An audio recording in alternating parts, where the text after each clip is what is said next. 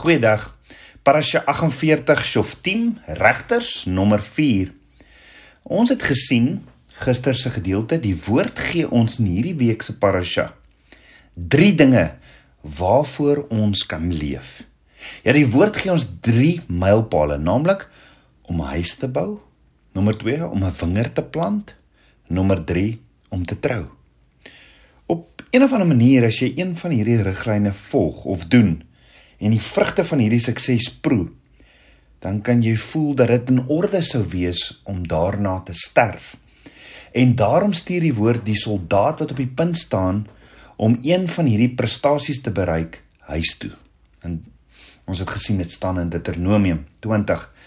En ek wil voorstel dat die woord van die begin af, van die begin van die mensdom af oor hierdie drie dinge praat. Terug by die skepping.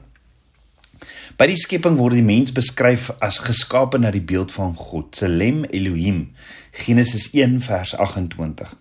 Abba Vader, die groot skepper, hy skep 'n wêreld, 'n heelal en daardie heelal is 'n huis, 'n huis vir die mensdom. Met ander woorde, Abba Vader bou 'n tuiste. Hy bou 'n huis. So vir verder verder gaan wil ek eers gou-gou weer van waar kry die woord spesifiek hierdie drie dinge of hierdie drie riglyne of mylpale vandaan? Nommer 1 om huis te bou, nommer 2 om 'n wingerd te plant, nommer 3 om te trou. Word hierdie drie mylpale hier in Deuteronomium net uit net dalk uit 'n hoed gepluk of kom dit moontlik van elders af? Waar kry hierdie 3 mylpale of riglyne hulle betekenis vandaan?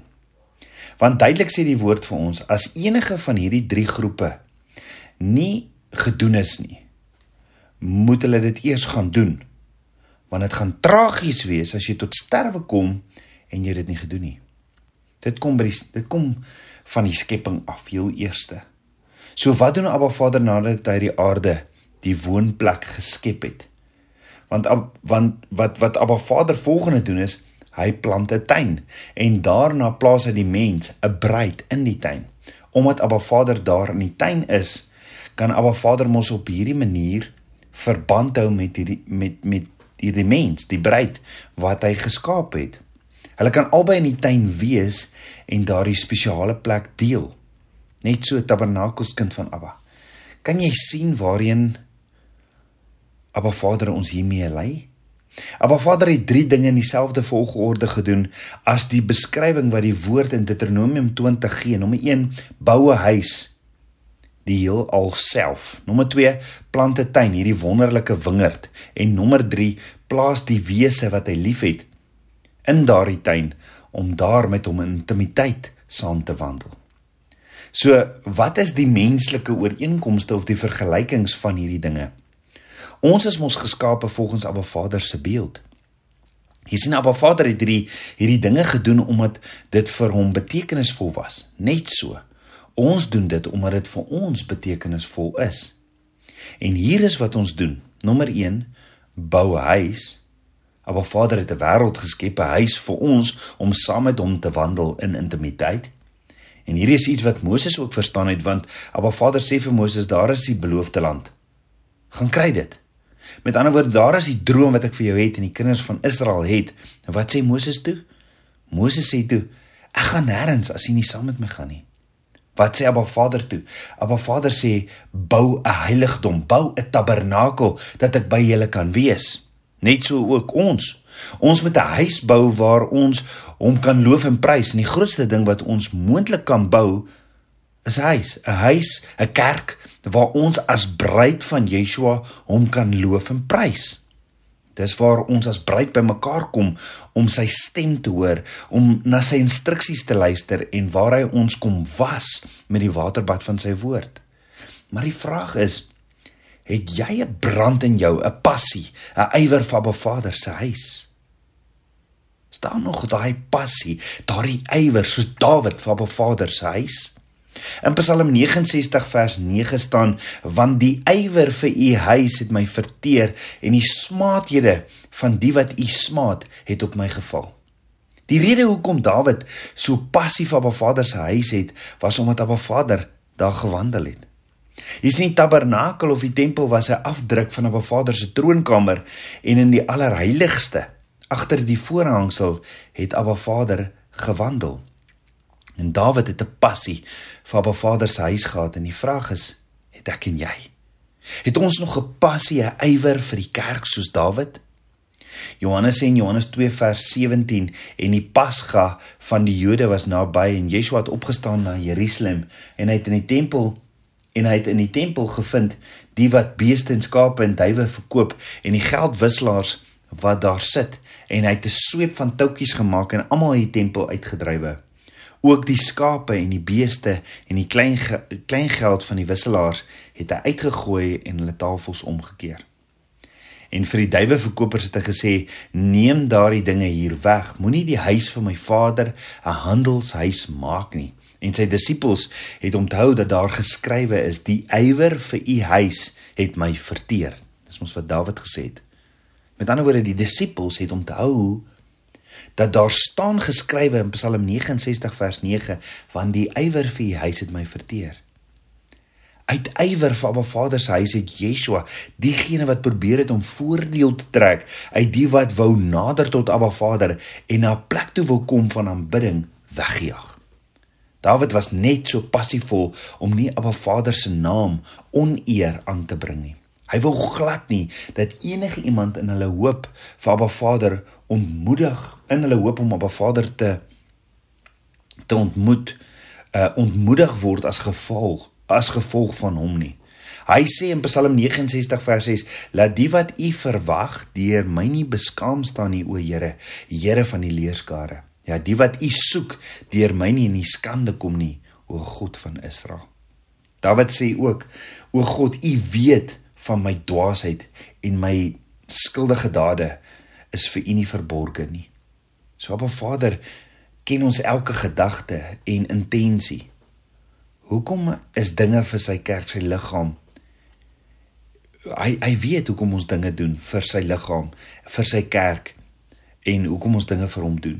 En die vraag is, doen ons dit om mense te behaag of doen ons dit wat ons doen vir Yeshua se liggaam uit 'n passie vir Abba Vader, uit 'n ywer vir Abba Vader? Jy sien my en jou lewe is soos 'n oop boek voor Abba Vader en Dawid weet dit en daarom is hy bekommerd dat sy sondes nie oneer bring aan Abba Vader se huis nie. Jy sien passie is inspirerend en aansteeklik en die vraag is is ek en jy nog vol passie en is ons ywerig om Abba Vader se naam te eer in ons in die liggaam? Hoor gou wat sê die psalmdigter in Psalm 74 vers 3: Hef u voete op na die ewige pynhope. Alles het die vyand in die heiligdom verniel. Die vyand het alles verniel in die heiligdom, sê die psalmdigter. Met ander woorde die vy, die vyand is in die heiligdom, die plek van 'n Vader, die kerk en die vyand het alles kom verniel. Ons as kinders van Abba Vader is so gefokus op die vyand daar buite, buite die kerk dat ons heeltemal mis om te kyk na die vyand se fokuspunt in die kerk. Die vyand fokus meer op die liggaam van Yeshua as enigiets anders van die wat nie in die liggaam van Yeshua is nie, mos reeds vir hom. Met ander woorde, die vyand se target is Abba Vader se kinders. Moet ons nie dalk meer ons fokus plaas op die liggaam van Yeshua as wat ons die vyand gaan soek daar buite nie? Is dit nie weer tyd om kardinaal en en geen kompromie te sluit en haar ywer te hê vir Vader se huis en by mekaar te kom en hom te aanbid wie dit waardig ag nie? So hoe kry ons die vyand uit ons liggaam, uit ons kerk uit? Deur meer en meer tyd in Abba Vader se woord te spandeer, want Abba Vader se woord is die swaard, Abba Vader se woord is die lig op ons pad. Abba Vader se woord is ons voeding. Abba Vader se woord is lewende water wat ons vul. Jy sien daar's 'n vyand wat rondloop soos 'n brullende leeu en net omdat ons kinders van Abba Vader is, beteken nie dat die vyand ons gaan los nie. Nee, inteendeel, ons is juis die wat hy wil aanval en wat ons lewens wil kom verwoes. Dink daaroor. Hoekom het die vyand alles gegee om Job te vernietig? Die vyand se mikpunt is om die kinders van Abba Vader te vernietig of te verslind. Abba Vader sê in sy woord in 1 Petrus 5 vers 8: Wees nugter en waaksaam want julle teestander, die duiwel loop rond soos 'n brullende leeu en soek wie hy kan verslind. Daarom moet ek en jy nigter en waaksaam wees, sê Abba Vader. En dan sê Abba Vader vir Jesegiel in Jesegiel 34 vers 1 en die woord van die Here het tot my gekom en gesê mensekind profeteer teen die herders van Israel. Profeteer en sê vir hulle sê vir die herders so spreek Jahweh die Here. Wee die herders van Israel wat aan hulle self veiding verskaf. Moet die herders nie die skape laat wei nie Julle eet die vet en beklee julle met die wol. Julle slag die vetes, maar die skape laat julle nie wy nie. Julle versterk die swakkes nie en maak die siekes nie gesond nie en die wat gewond is, verbind julle nie en wat weggedryf is, bring julle nie terug nie en wat verlore is, soek julle nie, maar met strengheid heers julle oor hulle en met hardheid. Hoor mooi, Abba Vader sê nie vir Jesegiel om te profeteer teen die letterlike herders of skaapoppassers nie. Nee. Jesegiel profeteer vir die geestelike leiers, die wie Abba Vader toevertrou om sy kinders te lei in sy waarheid. Jesegiel praat met geestelike leiers en die skape is die kinders van Abba Vader. En ons weet Abba Vader gebruik die natuurlike om vir ons die geestelike te leer.